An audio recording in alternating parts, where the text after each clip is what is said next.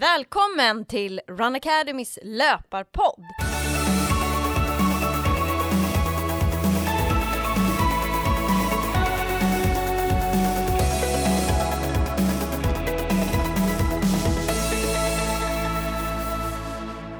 Det här är podden för alla er som gillar löpning. I dagens avsnitt kommer jag, Petra Kindlund, som grundat Run Academy tillsammans med min kollega och VM-löparen Johanna Bäcklund att prata styrketräning. Hur viktigt är det med styrka för löpare? Vad för typ av styrketräning är viktigast att köra? Måste man sen gå till ett gym för att få till styrketräningen? Detta och mycket mer kommer vi prata om idag. Hej Johanna! Hej Petra! Hur tänker du kring styrka? Hur viktig är det i din träning? Styrkan eh, har ju betydelse såklart eh, för att eh, stärka upp primära muskler som man behöver ha som löpare. Sen har väl jag, jag har varit ganska stark innan jag började med löpträning och innan det körde jag väldigt mycket styrka på gym, både tyngre styrka men också annan typ av styrka. Så därför har jag väl lutat mig lite tillbaka till det och tyckte att jag alltid ändå är stark så att jag kanske inte behöver prioritera styrkan utan prioriterar hellre att springa. Eh, för jag tycker det är roligare att vara ute i löparspåren än stå och köra massa styrka. Eh, men eh, för mig behöver styrketräning vara enkel för att jag ska få till den i min träning. Eh, dels får det inte vara för långa pass eh, och det ska vara liksom enkelt som jag ska kunna köra det mesta hemma. För mm. då kan jag komplettera efter ett löppass att köra min styrka direkt efter. Mm. Eh, så det tycker jag är en, eh, en viktig del och man kan ju göra väldigt, väldigt mycket hemma. Mm, verkligen. Eh, hur ser du på styrka då i din träning? Kör du mycket styrka? Mm, jag skulle säga att jag kör lite olika perioder, mer styrka eh, och i vissa perioder lite mindre styrka. Så framförallt när man brukar prata om uppbyggnadsträning eh, som det är lite nu när det knappt finns några lopp. Då kanske jag fokuserar lite mer på styrketräning och för det gör inget om man får springa med trötta ben och lite träningsverk och passa på att bygga upp kroppen. Eh, Medan när man börjar närma sig om man ska springa något lopp, kanske två, tre månader kvar till loppet, då brukar jag fokusera kanske mer på löpningen, för det är ändå löpning i första hand som man vill bli bra på. Och då blir det naturligt också att man minskar styrketräningen.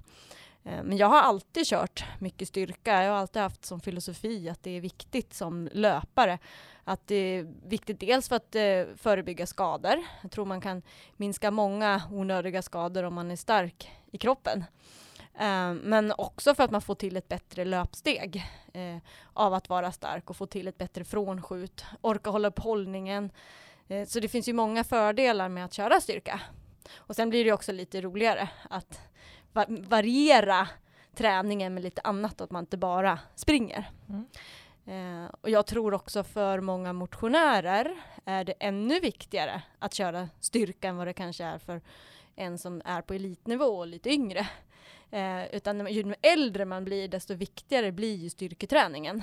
Just för att man minskar ju muskelmassan ju äldre man blir efter 30 så börjar ju muskelmassan minska. Mm. Så det gäller att bygga upp styrkan. Det blir ännu viktigare för att hålla sig skadefri. Ja, så är det ju. Och det ser man ju ganska tydligt tycker jag i löpargrupperna, speciellt när vi fokuserar på teknik. Mm. På löptekniken så är det ju ofta så att just därför att få hjulet i löpsteget, alltså få, få ett bättre eh, både knälyft och hälkick, så är ju många lite för svaga för att orka dra upp och få ett bättre hjul i löpning och då blir det så här mer att man får raka ben och då blir ju automatiskt att man tar lite längre steg också. Mm. Eh, så att mycket han, eh, ser man ju även där att styrkan har betydelse. Jag brukar också eh, säga, säga det till dem, dem flera gånger så här, ja men just det, man ser att, att de behöver liksom stärka upp. Det är också mycket kår, att mm. blir man mycket sittande i löpsteget så är det ofta för att man har för dålig kår mm. muskulatur och även för lite styrka i höfterna som mm. gör att du inte orkar hålla upp dig. Just det, och, och core, då menar man ju framförallt mage och rygg. Ja, exakt. Och sen, men även höftstyrkan mm. som man ser att de liksom, man tappar där för man orkar inte hålla upp höfterna. Just det. Och eh, om man orkar hålla upp höfterna kan man jobba mycket mer med sätesmusklerna. Exakt. Och det är vår största muskel. Så att det finns ju väldigt många fördelar att stärka upp mindre muskler för mm. att kunna utnyttja de större musklerna på ett bättre sätt. Precis, och det är ofta det, för när man springer så får man ju ändå, då är det ju ofta de stora musklerna som dominerar och det är Mm. oftast det som man ändå använder i, när man springer, så de behöver man ju inte träna upp egentligen i gymmet eller i, genom olika styrkeövningar. Utan det är ju framförallt de små musklerna som man inte kommer åt när man springer, som man vill komma åt i styrkan. Mm. Just för att minska skaderisken, för det är oftast där, de här små musklerna, som man får, får skadeproblem i sen. Eh, Men man, jag tycker att man ser ganska tydligt också på sig själv.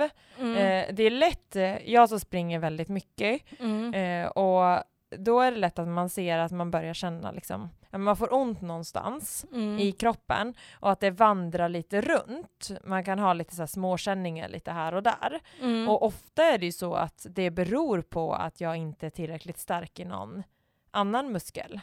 Eh, och där har jag jobbat väldigt mycket med de muskler, alltså hitta mina egna svagheter och brister för att kunna stärka upp och inte få de här små känningarna Just det. eh, i löpningen. Så att det gäller ju liksom, även om man springer mycket och tycker att, att det gör sitt så behöver man ju få små musklerna igång också och verkligen prioritera att göra övningar Mm. som stärker upp dem.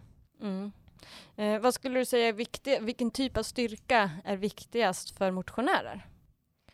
Jag skulle säga att eh, en allsidig styrka är Mm. viktig för motionärer. Mm. Alltså vi har ju, på vår medlemssida har vi ju eh, med styrkepass Mm. anpassade efter löpare, alltså med mycket, vi jobbar jättemycket med mage, rygg, Mm. vi jobbar mycket med höfter, säte, alltså eh, så här, också hitta liksom baksida lår, alltså hitta alla de här vader, alltså primära muskler som vi använder som löpare Mm. på ett enkelt och smidigt sätt. Alltså man behöver inte ha tunga vikter, eh, göra tuffa knäböj, marklyft och sådana saker, utan man kommer väldigt långt med att jobba med den egna kroppsvikten. Och Mm. kanske små, att man kan jobba lite med gummiband eller att man har några små hantlar eller alltså små lättare vikter Mm. som man kan komplettera med när man blir allt starkare. Men man behöver inte ha liksom den här gymutrustningen med stora skivstänger eller mycket apparat. Jag tror att det är mycket bättre att vi jobbar eh, med att hitta balansen också i övningarna. Alltså jobbar mer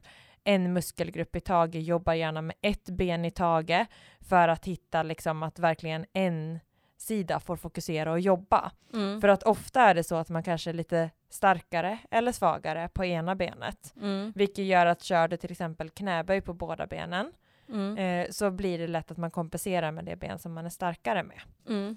Eh, medan om man istället kör knäböj med ett ben i taget så får man verkligen fokus och stärka upp det ben som man är svagare med. Man känner det ganska tydligt, både i balansen att stå på ett ben och sen köra knäböj så känner man ganska tydligt att det blir jobbigare på ena sidan. Man har svårare att utföra rörelsen på, på ett bra sätt. Precis. Ja, speciellt när man kör enbensknäböj och så blir det att man trillar in lite så höften pekar ut. Mm. Man inte kan gå rakt ner. Det är Mm. ganska typiskt om man är lite svag i höfterna. Mm. Mm. Men framförallt också att man fokuserar då på alltså just funktionell styrketräning där man jobbar med en rörelse där liksom hela kroppen får röra sig. Mm. Eh, om man jämför med om man går på gym så är det ju ofta olika maskiner man kör i Mm. och då är det ju mer en muskelgrupp åt gången man jobbar med. Mm. Och, och det är ju aldrig så att man springer där man jobbar med bara en muskel åt gången. Nej men så är det ju inte. Så det, är ju, det är ju mer om man är skadad, eller liksom har en skada, nu måste jag stärka upp just den här muskeln. Mm. Då kan det ju verkligen vara fördelaktigt att gå till gym och köra just den övningen. Mm. Eh, men annars är det ju mer fördelaktigt att köra mer så här funktionella styrkeövningar som man kommer långt med att kunna köra hemma. Mm. Eh, med olika balansövningar eller att man har eh, Ja, det finns ju massa olika varianter. Ja men verkligen. Mm. Och där är det ju, men det, eh, samtidigt så tycker jag att det där, även om man jobbar med fokus på en muskelgrupp i taget, även om man jobbar hemma. Mm. Alltså maskinerna är ju så, de är så inriktade för då låser man ju nästan fast sig Exakt. via att det bara blir en statisk, alltså en muskelgrupp verkligen som man kan använda. Mm. Medan när man jobbar hemma och har sin egen kropp som vikt, Mm. då blir det ju ändå så att man kan fokusera på en muskelgrupp i taget, Mm. men man får en aktivering och ett stöd av resten av kroppen, precis, Precis. som det är under löpningen. Precis. Eh, Sen kan man ju om man, eh, för att få lite mer variation och lite extra utmaning om man har kört styrka rätt länge, då är ju att man lägger på lite extra vikter eh, i sin styrka. Det kan man ju alltid göra som man använder, men, men då att man använder mer fria vikter Mm. än att man använder för mycket maskiner. Mm. För då blir det ju fortfarande en, eh, en funktionell styrketräning när man jobbar mer med fria vikter. Mm. Att man i övning lägger på några hantlar eller att man lägger på eh, man kan ju också jobba om man vill få extra styrka. Vi har ju faktiskt eh, fått ett gym här nu på Mm. vårt eh, kontor och där har vi ju en skivstång. Mm. Eh, Så det måste man ju inte göra, köra skivstångsträning. Men om man vill verkligen få en extra utmaning så kan det finnas en fördel att köra även med, med lite tyngre vikter eh, med typ knäböj med Mm. extra vikt. Eh, det har man ju faktiskt sett också, rätt intressant i, i en studie där eh, man hade en grupp som fick köra just knäböj och med tyngre vikt och den andra gruppen körde eh, ingen sån typ av eh, styrka utan bara sprang.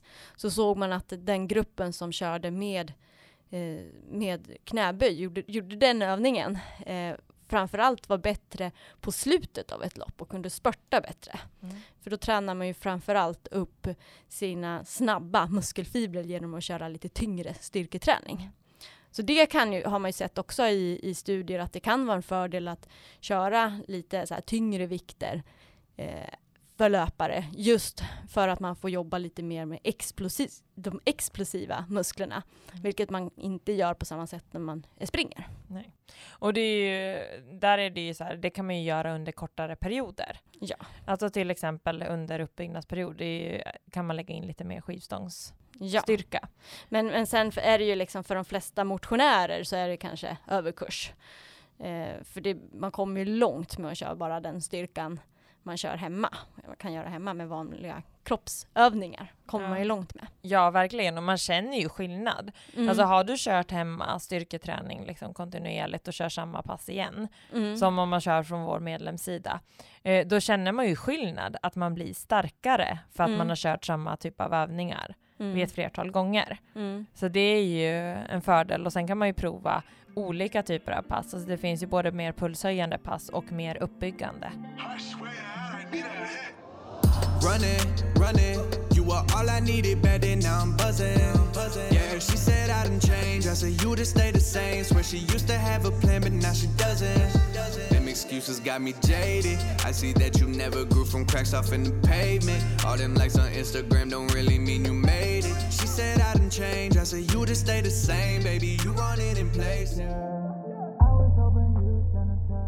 Men hur ska man kombinera styrka med löpning? Jag vet att det är många som brukar fundera på det, vad som ger bäst effekt. Om det ger bäst effekt att köra styrkan för sig eller om man ger bäst effekt att kombinera det med löpning. Eh, vad tror du? Alltså jag tänker, i min egen träning så kör jag ofta eh, styrka i kombination med ett löppass. Ja. Alltså jag har kört en distansrunda innan och Ja. eh, kör styrka efteråt. Och eh, jag har inte sett att det har varit något negativt i att göra på det sättet. Just det. Men då kör inte du så tung styrka, så då Nej. det inte, behöver du inte ha pigga muskler. Nej, jag behöver inte ha pigga muskler, utan alltså det kan ju vara, det ju, jag blir ju trött i musklerna och jag blir kanske extra trött för att jag har sprungit ibland två pass innan och sen har jag Exakt. liksom, och sen kör jag styrka. Ja. Eh, men jag, jag kan ju fortfarande utföra övningarna Mm. på ett bra sätt. Mm. Eh, och det är ju, jag jobbar ju mer med utförande av övningarna Mm. eh, än alltså att verkligen göra dem på rätt sätt och Mm. hitta liksom exakt vilken muskelgrupp som ska jobba och få det liksom så att det tar på, på rätt ställe. Mm. Eh, än att jag, jag, jag jobbar nästan aldrig med pulsstyrka Nej. utan det är ju mer sådana här mindre eh, obalanser som jag har. Alltså jag behöver mycket stärka upp min, mitt säte och höfter. Just det. Vaderna jobbar jag jättemycket med och det är ju liksom, och då hitta övningar som är utmanande Mm. eh, för just de muskelgrupperna. Men där fokus är på utförande och därför ser jag inga problem med att göra det Nej, efter det. ett löppass. Men jag skulle säga att det beror ju på lite vad syftet är med just det styrkepasset.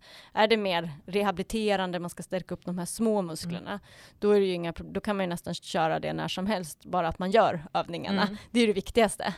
Eh, är syftet att man ska bli mer snabb och explosiv och man kanske vill springa kortare distans, alltså om man har Mm. verkligen, nu vill jag bli snabb, Eh, eller liksom bygga styrka. Nu, det är ju kanske inte vad långlöpare vill ofta, men, eh, men om man vill mer åt det hållet, då är det ju kanske bättre att köra liksom mer tung styrka för sig. Mm. Eh, för att de slår ju ut varandra om man ska ut och springa långt och sen köra liksom tung styrka. Då är det bättre att kanske dela på de passen.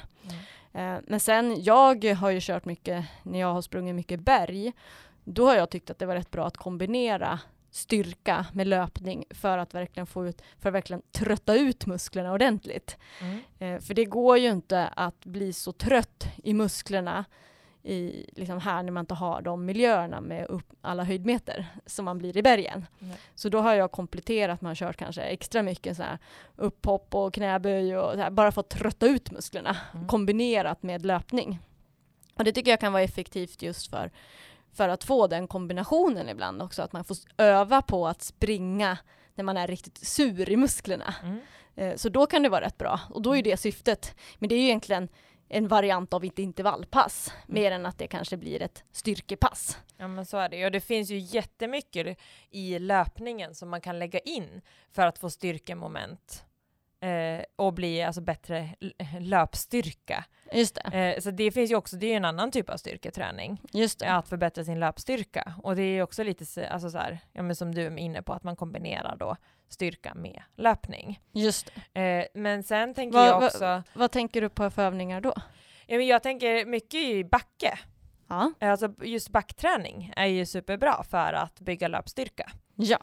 Eh, så det är ju ett sätt också som man kan alltså, bara väcka muskelfibrerna genom att köra några korta backruscher efter ett distanspass eller vad som helst. Precis. Som vi brukar göra ibland liksom också i våra program och utmaningar. Exakt.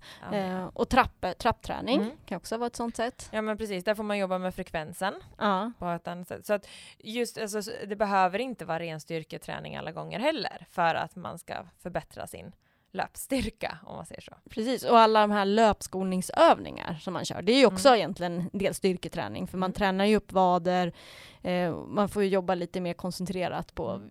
med vissa muskelgrupper, Mm. typ, än vad man gör om man bara springer. Och det där är också ganska intressant. Alltså, det är ju omdiskuterat huruvida löpskolning har effekt eller inte har effekt och hur mycket man ska göra det för att bli bättre löptekniskt. Mm. Eh, men just att få in, alltså dels få, man stärker ju musklerna. Alltså Mm. löpskolning har ju många fördelar. Jag jobbar ju själv med löpskolning i min egen träning. Mm. Även om jag sprungit flera år och gjort samma övningar. Det kan ju vara samma övningar som jag gjort för tio år sedan. Jag gör Mm. fortfarande. Eh, och det är ju, där tror jag att det kan vara bra i perioder Mm. att fokusera lite extra mycket just på löpskolningsövningar också. Mm. Eh, eller som en del i uppvärmningen som vi ofta kör. Just det. För att just bara överdriva eh, löptekniken och få med den när man sen ska göra ett tuffare kvalitetspass. När det kommer till styrketräning så måste det ju inte alltid innebära att man ska köra sig helt slut med just en muskelgrupp. Det kan ju lika gärna handla om också att man ska aktivera en muskelgrupp, att man Mm. har svårt att få med en Mm. muskelgrupp som, liksom, det blir lätt att, den, eh, att andra muskelgrupper tar över. Ja. Eh, och då kan det ju vara bra att köra, men typ som löpskolning kan det vara bra att man, då får man ju aktivera och tänka till lite på ett annat sätt. Men Mm. också ja, många sådana här små övningar eh, som balansövningar, då får man ju också Mm. aktivera mycket så här säte och vader och Mm. små, alla små musklerna i fötterna och sådär när man kör och får aktivera andra muskler än man använder när man springer. Mm. Men sen är det också så här om vi tänker på, nu pratar vi lite om att vi har kombinerat ihop med löpning, styrketräning. Men för en motionär, Mm. eh, där ser jag ju mer att eh, det är svårt för en motionär att springa alla dagar i veckan. Mm. Och därför tycker jag att man ska lägga styrketräning eh, som en, alltså man kör bara styrka en dag. Ja. Där ser jag ingen effekt med att man ska liksom köra först ett distanspass och sen ett styrkepass. Utan där kan det vara bättre om man tränar, säg att vi tränar tre gånger i veckan, då tycker jag att det kan vara bra att ha två löppass och ett styrkepass. Exakt. Eh, och att man då kör styrkepasset för sig. Sen handlar det ju om ju mer man tränar, ju mer man vill träna, desto mer då kan man ju lägga på en och samma dag också. Ja. Eh, men just det, och, och där kan det ju vara bra att få lite pulshöjande övningar också i styrkan emellanåt. Mm. Att man kan köra kanske ibland mer fokusering på uppbyggnad och mindre puls och ibland mer fokus på att verkligen köra så lite pulspass. Ja, men det handlar också om att motionärer, de klarar ju inte, alltså om man inte är så van att springa så klarar man ju inte springa så många kilometer i veckan. Nej. Och då kan det ju vara bra att man byter ut något löppass mot styrka. Mm. Och då för, är det ju bra kanske att lägga in lite mer så här puls, pulsstyrka för att man ska få upp pulsen lite. Mm. Så det blir lite konditionsträning också i själva passet. Mm. Och så har vi ju många pass på vår medlemssida där man både dels kanske mer i uppvärmningen och i, i början av passet jobbar med många olika övningar där man står på ett ben, man kanske kör enbensknäböj, vadhävningar, mycket sådana övningar som är bra för just löpare för att aktivera de här mindre musklerna. Mm. Och sen lägger man på en del som är lite mer pulsstyrka, kanske 5-10 minuter, bara för att få in lite puls och känna att det ger Ja, att man får, det är ju lite skönare känsla kan jag tycka om man kör, om man kör bara styrka och inte springer innan. Så Mm. är det ändå skönt att bara få upp lite puls. Ja, men det tror jag är... Alltså Mm. jag vet ju, eh, min man Pontus utnyttjar ju jättemycket våra pass i medlemssidan. Ja. Och det är, han kör ju speciellt på vintern, han tycker det är matigt och, motigt att gå ut och springa. Då vill han, och då kör han ju ofta så korta pulshöjande pass. Ja. Alltså det är på bara 12 minuter och jag är astrött efteråt så tycker jag att det är superskönt. ja. För då har man fått en, en bra genomkörare pulsmässigt också. Ja. Eh, och få styrka och få ett alternativ till att gå ut och springa i spöregn eller något Ja, annat. exakt. Och som konditionsidrottare man är så tycker jag själv att det är roligare att köra sådana pass. Mm. Eh, där man får upp pulsen, det är ju bara för att man själv, jag tycker ju om känslan av att bli lite trött. Mm. Eh, men det kanske inte är den styrkan som kanske är absolut viktigast om man är ute och springer fem dagar i veckan. Då kanske det inte är liksom pulshöjande styrka man också ska köra. För det kör man ju fem dagar i veckan Ja. ändå. Då kan det ju vara bättre Mm. att köra annan styrka. Som för dig som springer hur mycket som helst. Du behöver ju inte konditionsträningen när du ska köra, köra styrka. Utan då är det ju bättre att köra lite mer specifikt. Ja men verkligen. Eh, men sen är det, jag tycker att, eh, jag tror att många motionärer kan också bli bättre löpare av styrketräningen. Just att liksom byta ut, alltså det kanske, man kanske lättare går sönder om man skulle köra fem löppass i veckan Mm. och inget styrkepass. Att där kan man vinna jättemycket på att kanske köra, orka köra eh, två kvalitetspass, alltså två intervallpass och Mm. ett styrkepass Mm. och sen köra ett eller två distanspass. Ja. Istället för att man ska köra kanske bara eh, två kvalitetspass och tre Löppass. löppass. löppass och så är det risk att man går sönder för att man inte är tillräckligt stark och tål en mängd träning. Just det. Utan där, då, då tror jag att man vinner jättemycket, speciellt i början, att man har med sig styrkan hela vägen. Mm. Ja men det tror jag med. Och framförallt också just som jag var inne på tidigare att när man blir äldre så tappar man muskelmassa. Och det gör ju att det blir extra viktigt. Eh, men också en sån anledning som att när man blir gammal på riktigt och får svårt att gå och Mm. får svårt att resa sig från stolen. Det har ju med att man har minskad muskelmassa. Mm. Eh, Så är man ännu äldre, alltså över 70, då är det ju nästan styrketräningen är ju ännu viktigare då Mm. för att man ska kunna, med, kunna, med, kunna ha en vanlig vardag. Mm. Så då blir det extra viktigt med styrketräning och det tror jag många äldre glömmer bort hur viktigt det är med styrketräning. Don't you ever come up out the cracks and try to tell me how to get it poppin' really. Way too motherfucking educated to be spending any time just talking with me. Many people waiting on me in the lobby, time to board the bus and get it in. Hundred thousand dollar conversation with investors telling me they want it in. Lots of women from around the way always call me when they in a jam. Used to give them all the time of day, now they scrolling through my Instagram. That they did accommodate. I ain't even feel the need to grant. Never been the type to hold a grudge. I don't even love them, they ain't getting in. Why are we talking? Tell me something that I don't know. Vilken typ av styrketräning skulle du säga är viktigast för löpare? Jag skulle säga att det framförallt är viktigt att köra övningar där man jobbar med ett ben åt gången. Just för att man springer så springer man ju med ett ben åt gången. Eh, det, som vi var inne på tidigare att man då till exempel jobbar med enbensknäböj istället för att köra knäböj med båda benen. Eh, men olika också balansövningar är jättebra för löpare. Att man står på ett ben, gärna på en balansplatta eh, eller, eller bara stå på ett ben och sen så kan man kicka ut det andra benet åt olika håll. Ehm, och det är ju viktigt, den här balansövningar är bra för att det stärker upp framförallt alla muskler kring fötterna eh, och höfterna får man ju stärka upp också. Ehm, och sen också så olika höftlyft eh, är bra också. Eh, där man ligger ner på marken och trycker höften uppåt. Och gärna att man jobbar också där med ett ben. Just för, och den övningen är bra framförallt för att man aktiverar sätet samtidigt som man också jobbar med baksida lår och där är många löpare oftast väldigt svaga. Eh, och sen är det core också. Vad skulle du säga är viktigt när det kommer till core-träning? Eh, ja, men kåren är ju, alltså det innefattar ju mage och rygg som vi har pratat om. Mm. Och, och där är det ju, det har varit mycket diskussioner om djupa och yttre och alla olika typer av magmuskler. Men jag skulle säga, och jag tror på att magen ska vara liksom stark rakt igenom. Alltså man ska ha en stark både mage och rygg. Och Mm. då kan man tänka mycket att liksom magen ska vara eh, man ska få ner andningen djupt i magen. Mm. För det är det vi vill ha när vi är ute och springer. Alltså till exempel på ett distanspass så ska du inte köra, du ska inte flåsa och andas uppe i bröstet utan du ska ju få ner andningen i magen för då får du ju liksom kraften också och ett lättare liksom steg. Och där är det ju viktigt att man känner att man har hela magstödet, hela magstabiliteten. Så man kan tänka att magen är som en cylinder.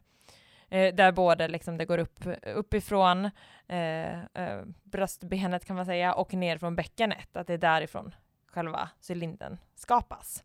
Mm. Och att man behöver inte ha de här sexpacket på rutorna på magen utan det är liksom hela stabiliteten. Våga puta ut med magen när man jobbar med magen för att känna att man har stabilitet och kan andas. Man kan nästan sätta fingrarna nere vid höfterna för att kunna andas och känna att man får liksom andningen där nere.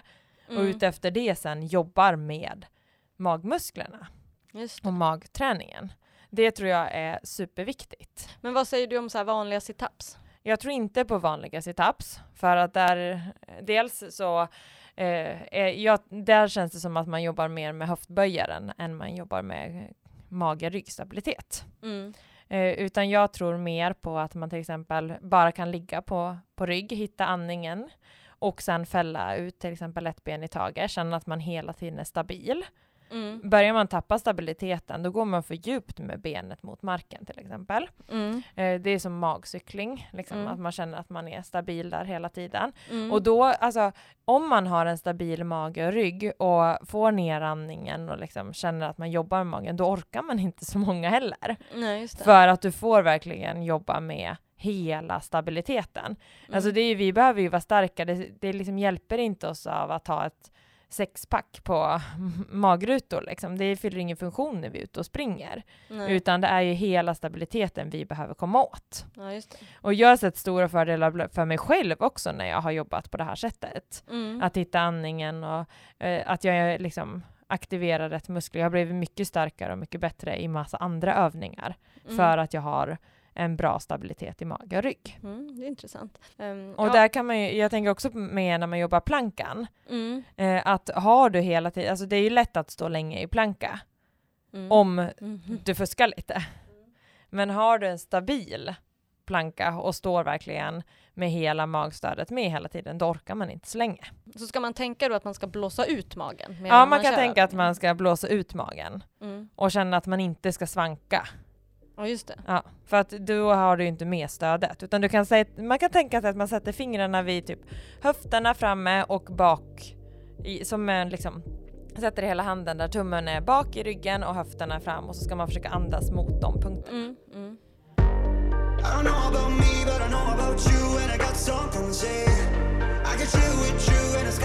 I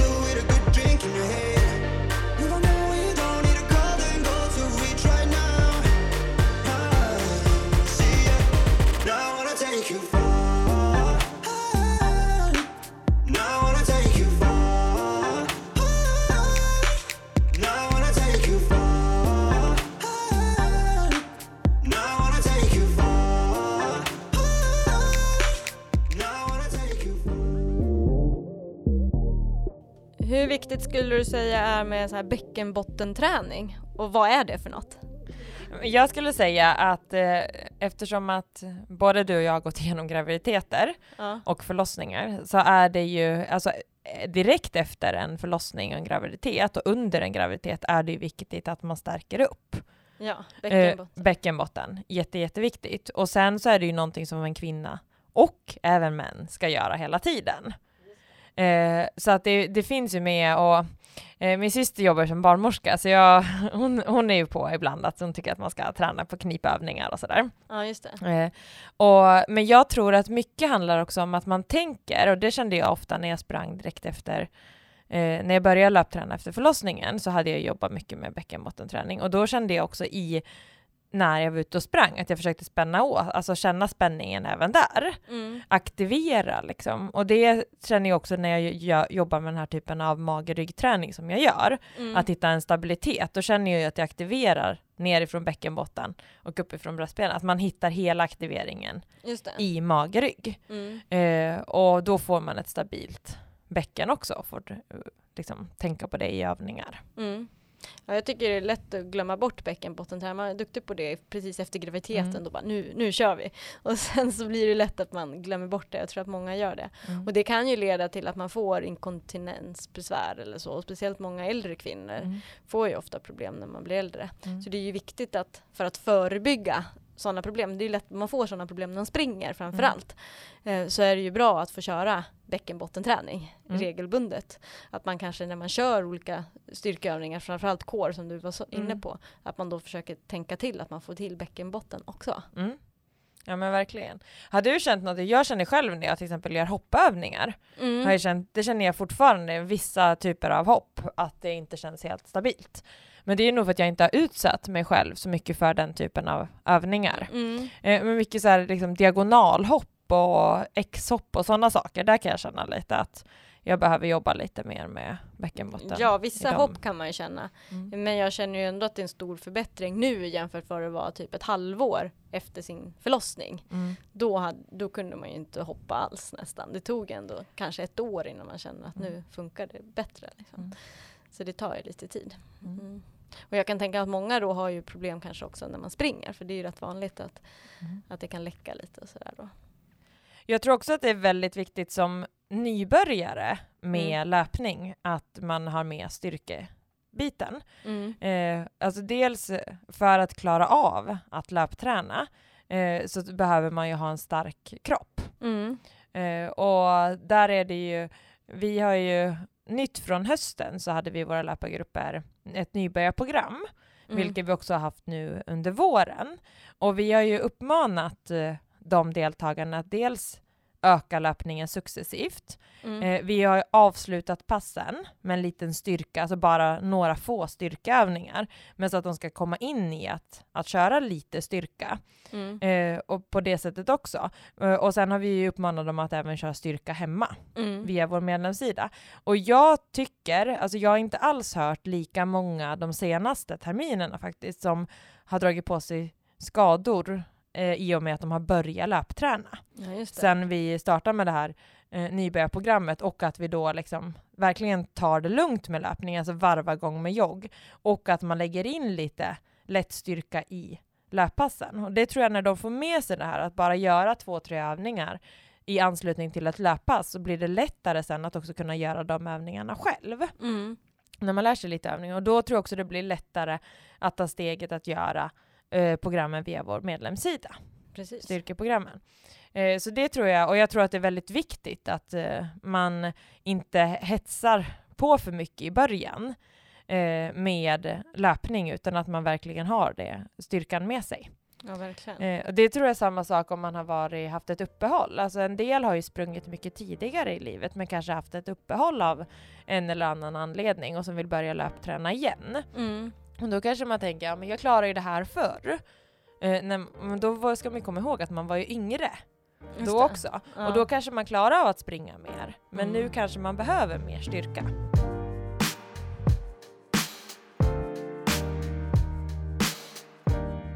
Nu har det ju varit ett eh, intressant avsnitt Mm. om styrka.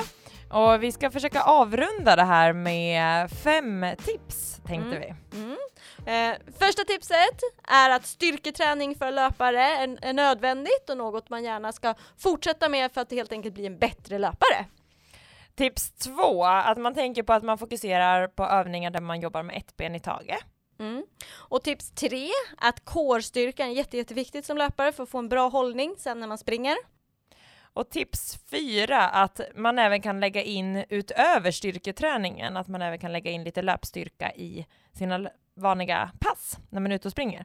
Till exempel trappträning, backträning, kombinera styrka med löpning. Och sen femte tipset, det är att man faktiskt ser till att styrkan blir gjord. Det är ju lätt att man bara vill springa, men att man prioriterar att få till ett styrkepass minst en gång i veckan.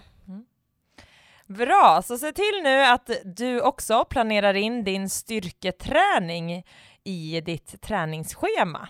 Lycka till!